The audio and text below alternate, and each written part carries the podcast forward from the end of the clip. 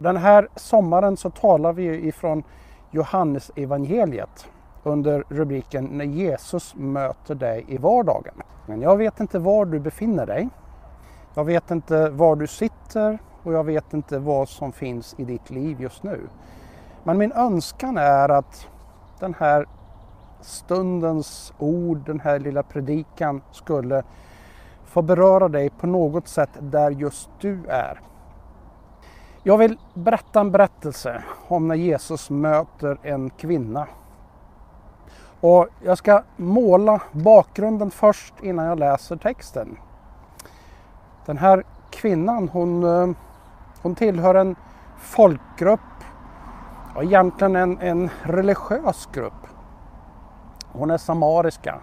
Hon tillhör gruppen samarier. Och eh, Samarien de fanns i ett område som bodde norr om Jerusalem. Jerusalem var ju liksom på ett sätt det religiösa centrum under Nya Testamentet och en stor del av Bibelns tid. Och eh, norr om Jerusalem så fanns det en grupp människor som hette samarierna. De hade samma ursprung som, som eh, Jesus, alltså Jesus var ju jude och Samarien hade samma ursprung som judarna. Men eh, de, i samband med att hela eller stor del utav det judiska folket blev deporterade till Babylon så var det några få, en mindre grupp som blev kvar och de började blanda upp sig, inte bara med sin judiska tro och religion utan också med andra folk.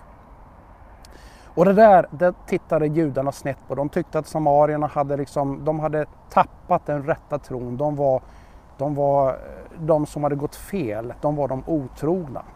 Så det fanns en ganska stor spänning mellan Jesus, eller judarna som Jesus var, och samarierna. Och det var så stor så att ofta så undvek judarna överhuvudtaget att umgås med. De kunde gå omvägar för att slippa möta samarier.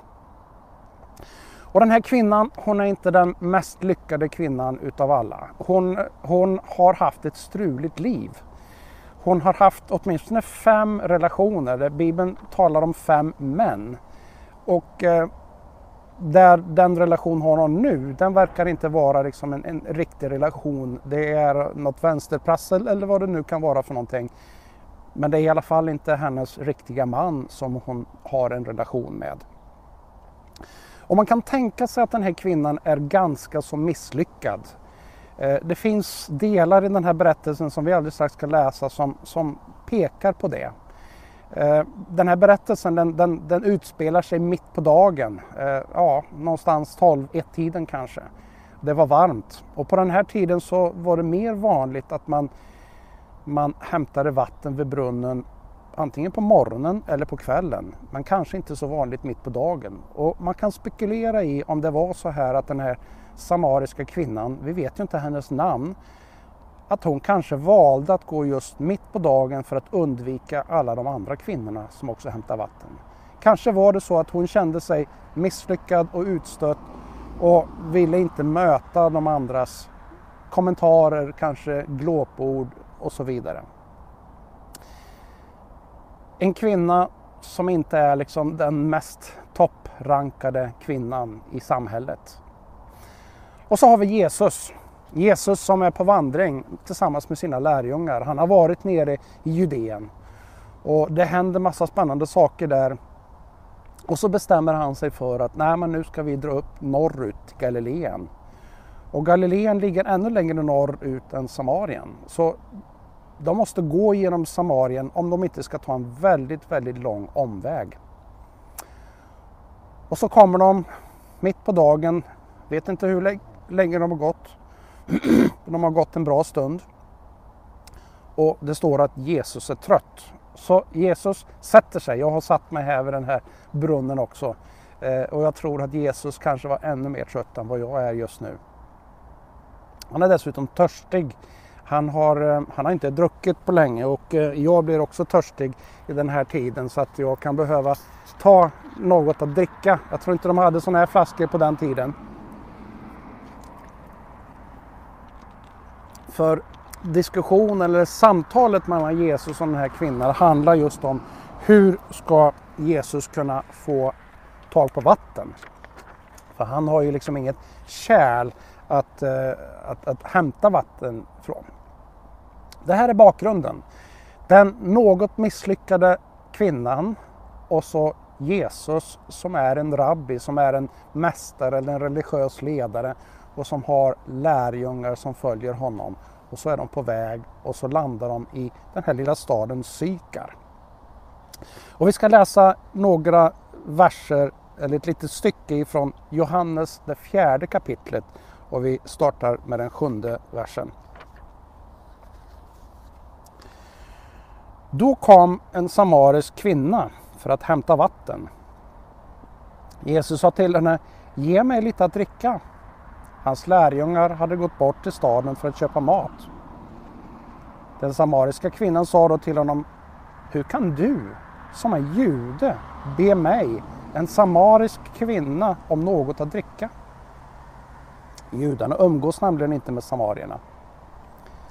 Jesus svarade henne, om du kände till Guds gåva och vem det är som ber dig, ge mig lite att dricka, då skulle du ha bett honom att han skulle ha gett dig levande vatten.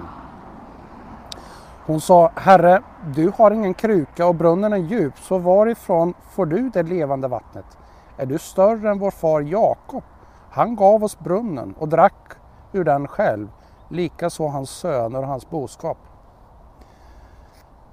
Jesus svarade henne, den som dricker av det här vattnet blir törstig igen. Men den som dricker av det vatten jag ger honom ska aldrig någonsin törsta. Det vatten jag ger blir en källa i honom med vatten som flödar fram till evigt liv. Kvinnan sa till honom, Herre, ge mig det vattnet. Så slipper jag bli törstig igen och gå hit och hämta vatten igen. Då sa Jesus, gå och hämta din man och kom hit. Kvinnan svarade, jag har ingen man.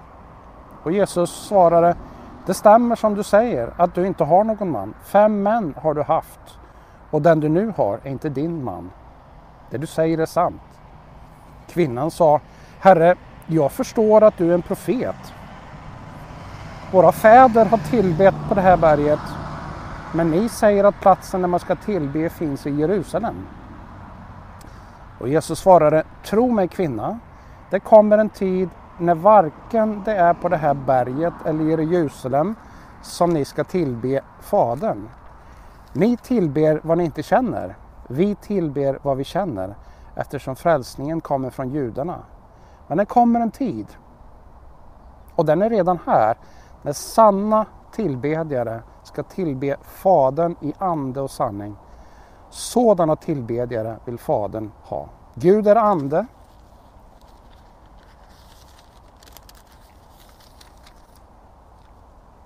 Gud är ande och det som tillber honom måste tillbe i ande och sanning. Kvinnan sa till honom, jag vet att Messias ska komma, han som heter, kallas Kristus. När han kommer ska han berätta allt för oss. Jesus sa till henne, det är jag, den som talar med dig. Det här är en väldigt fascinerande berättelse. Det är en berättelse som sätter ett antal saker på sin spets. Och Jesus och den här samariska kvinnan, de, de är osannolika samtalspartners kan man säga. De liksom bryter de här kulturella konventionerna som fanns på den här tiden. Men de möts kring något som är deras gemensamma behov, vatten. Kvinnan behöver vatten, hon har gått dit för att hämta vatten. Och Jesus har vandrat och är varm och törstig och han behöver vatten. Och där möts de. Visst är det vackert? Vi kan mötas, vi kan möta människor och vi kan mötas med alla möjliga bakgrunder. Men så kan vi mötas kring att vi har ett gemensamt behov, ett gemensamt intresse. Någonting som berör oss, något väldigt vardagligt, någonting som hör till vardagen. Att dricka vatten den här samariska kvinnan, hon verkar förundras. Och jag har noterat åtminstone tre saker i den här texten, den här berättelsen, som samariskan förundras över. Det första, det är ju att överhuvudtaget Jesus talar med henne. Hon säger, hur kan du som är en jude tala med mig som är en samarisk kvinna? Att han skulle tala med en samarier överhuvudtaget, det var liksom inte, ja men det gjorde man inte gärna. Man undvek dem. De, judarna såg ner på samarierna i, på den här tiden. Och hon dessutom som var en kvinna som ja, hade ju inte egen rösträtt, hade ju liksom inte egen kapacitet nästan att styra över sig själv och sitt liv. Alls på det sättet som vi har i vår tid. Och ändå så vill Jesus tala just med henne. Hon som känner sig misslyckad och som har massa brustna relationer och förmodligen en ganska så omtalad ställning i det samhället i den här lilla staden Sykar. Och ändå så bryr sig Jesus och hon förundras över varför vill den här mannen överhuvudtaget tala med mig? Och så börjar de där i den där konversationen kring vattnet, det som är liksom deras behov där och då. Men Jesus stannar inte där utan han går vidare in och så säger han om du visste vem det är du talar med, då skulle du be om det levande vattnet. Och så målar de bilden utav någonting som låter helt fantastiskt. Ett vatten som man liksom ja, blir så blir så mättad utav, släcker törsten så väl så att man behöver inte komma tillbaka och hämta vatten. Och det där förundrar kvinnan. Alltså, det är ett vatten, det är en berättelse som, wow! Nästa mått av förundran som kvinnan känner. Och så fortsätter samtalet och till slut så säger Jesus, du, eh, gå och hämta din man. Och då svarar hon, jag har ingen man. Nej, det är sant, säger Jesus. Fem har du haft och den du har nu är inte din man. Och i ett nu så är hon liksom avslöjad. Hennes liv är uppenbarat och, och hennes förundran kommer med ett konstaterande. Du måste vara en profet. Annars skulle du aldrig kunna veta det här. Vi har mötts här för första gången. Du är på vandring och vi har aldrig setts och ändå så vet du vem jag är. Tre saker som den här samariska kvinnan förundras över. Jag är så oerhört tacksam över den här Jesus som jag har fått lära känna. Därför att han möter människor i de mest skiftande livssituationer. Också den som känner sig utstött. Också den som känner sig mindre värdefull. Den som känner sig misslyckad. Och jag vill bara dela några sådana här saker. Vad är det Jesus egentligen gör för att möta henne? Ja, vi har redan pratat om att han kopplar till hennes vardagssituation, hennes vardagsbehov. Och han gör det med en speciell typ av respekt. Han möter den inte som kanske andra, många andra har gjort, med förakt. Utan han möter henne just som en människa, som en medmänniska. Han ser henne. Men han stannar inte bara där vid deras vardagsbehov utan han tar henne på en resa vidare han har mer att bidra, han har något mer att komma med. Och det är det som är det spännande med Jesus. Han kan möta oss precis där och då i vårt vardagsbehov. Men han vill gärna ta oss på en vandring, på en resa ännu längre, djupare in i de viktigare och existentiella frågorna. Så kommer de in i ett skede i sitt samtal där, där hon liksom kopplar till att hon är samarier och, och, och samarierna brukar tillbe på det här berget. Och ni som är judar, ni brukar ju säga att man ska tillbe Jerusalem. Och då gör Jesus något märkligt. Han vare sig angriper henne som samarier eller försvarar sig själv som jude. Utan han liksom lägger det där åt sidan. Den här religionsskillnaden, den går inte han in i. Och då ska man säga så här att judarna och samarierna, de var ungefär lika lika som kristna och muslimer är. Eller lika olika om man så vill. De hade en gemensam, gemensam historia men så hade de dragit åt olika håll. Men Jesus han går inte in i det där. utan han möter kvinnan precis där hon är. Och så sätter han fokus på vad det är som är riktigt, riktigt viktigt. Och han fortsätter den här resan. Inte i någon form av religionsdebatt, men istället till att tala om det som är väsentligt. Det kommer en tid, ja den är redan här, när sanna tillbedjare ska tillbe i ande och sanning. Sanningen, den gör oss fria. Sanningen, den kan vara svår att ta. Jag kan tänka mig att det var lite svårt för den här samariska kvinnan att känna sig avslöjad där och då. Men Jesus sätt att möta henne gör, görs på ett respektfullt sätt så någonstans verkar det som att den där sanningen är inte bara avslöjande och skarp men den är också varm. Den är varm och kärleksfull. Jag tänker att mötet med Jesus kan vara skarpt i den bemärkelsen av att hans utstrålning bara avslöjar det som vi har i våra liv som kanske inte känns det allra bästa. Men han gör det samtidigt med sin stora omsorg, sin stora kärlek. Så att den här sanningen som avslöjar sanningen, den gör oss fria. En nådefull sanning. Och så talar hon om att Nej, men jag vet ju att det ska komma en räddare, jag vet att det ska komma en Messias. Det visste samarierna lika väl som judarna. Och så är det ju för övrigt med både kristna och muslimer. De tror också på en Messias. Och när hon säger det att jag vet att det ska komma en Messias, ja men då kommer Jesus till punkt. Jag är denne man, jag är den Messias. Jag är frälsaren, jag är räddaren. Wow! Det här skakar om kvinnan och samtalet fullständigt verkar revolutionera henne. Därför att hon är inte bara sedd, hon är inte bara avslöjad, hon har också blivit respekterad. Och så har hon blivit där och då erbjuden hopp, frälsning, upprättelse.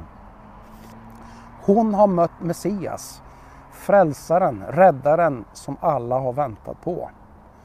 Och hon blir så övertygad om att hon måste springa tillbaka till, till folket i staden.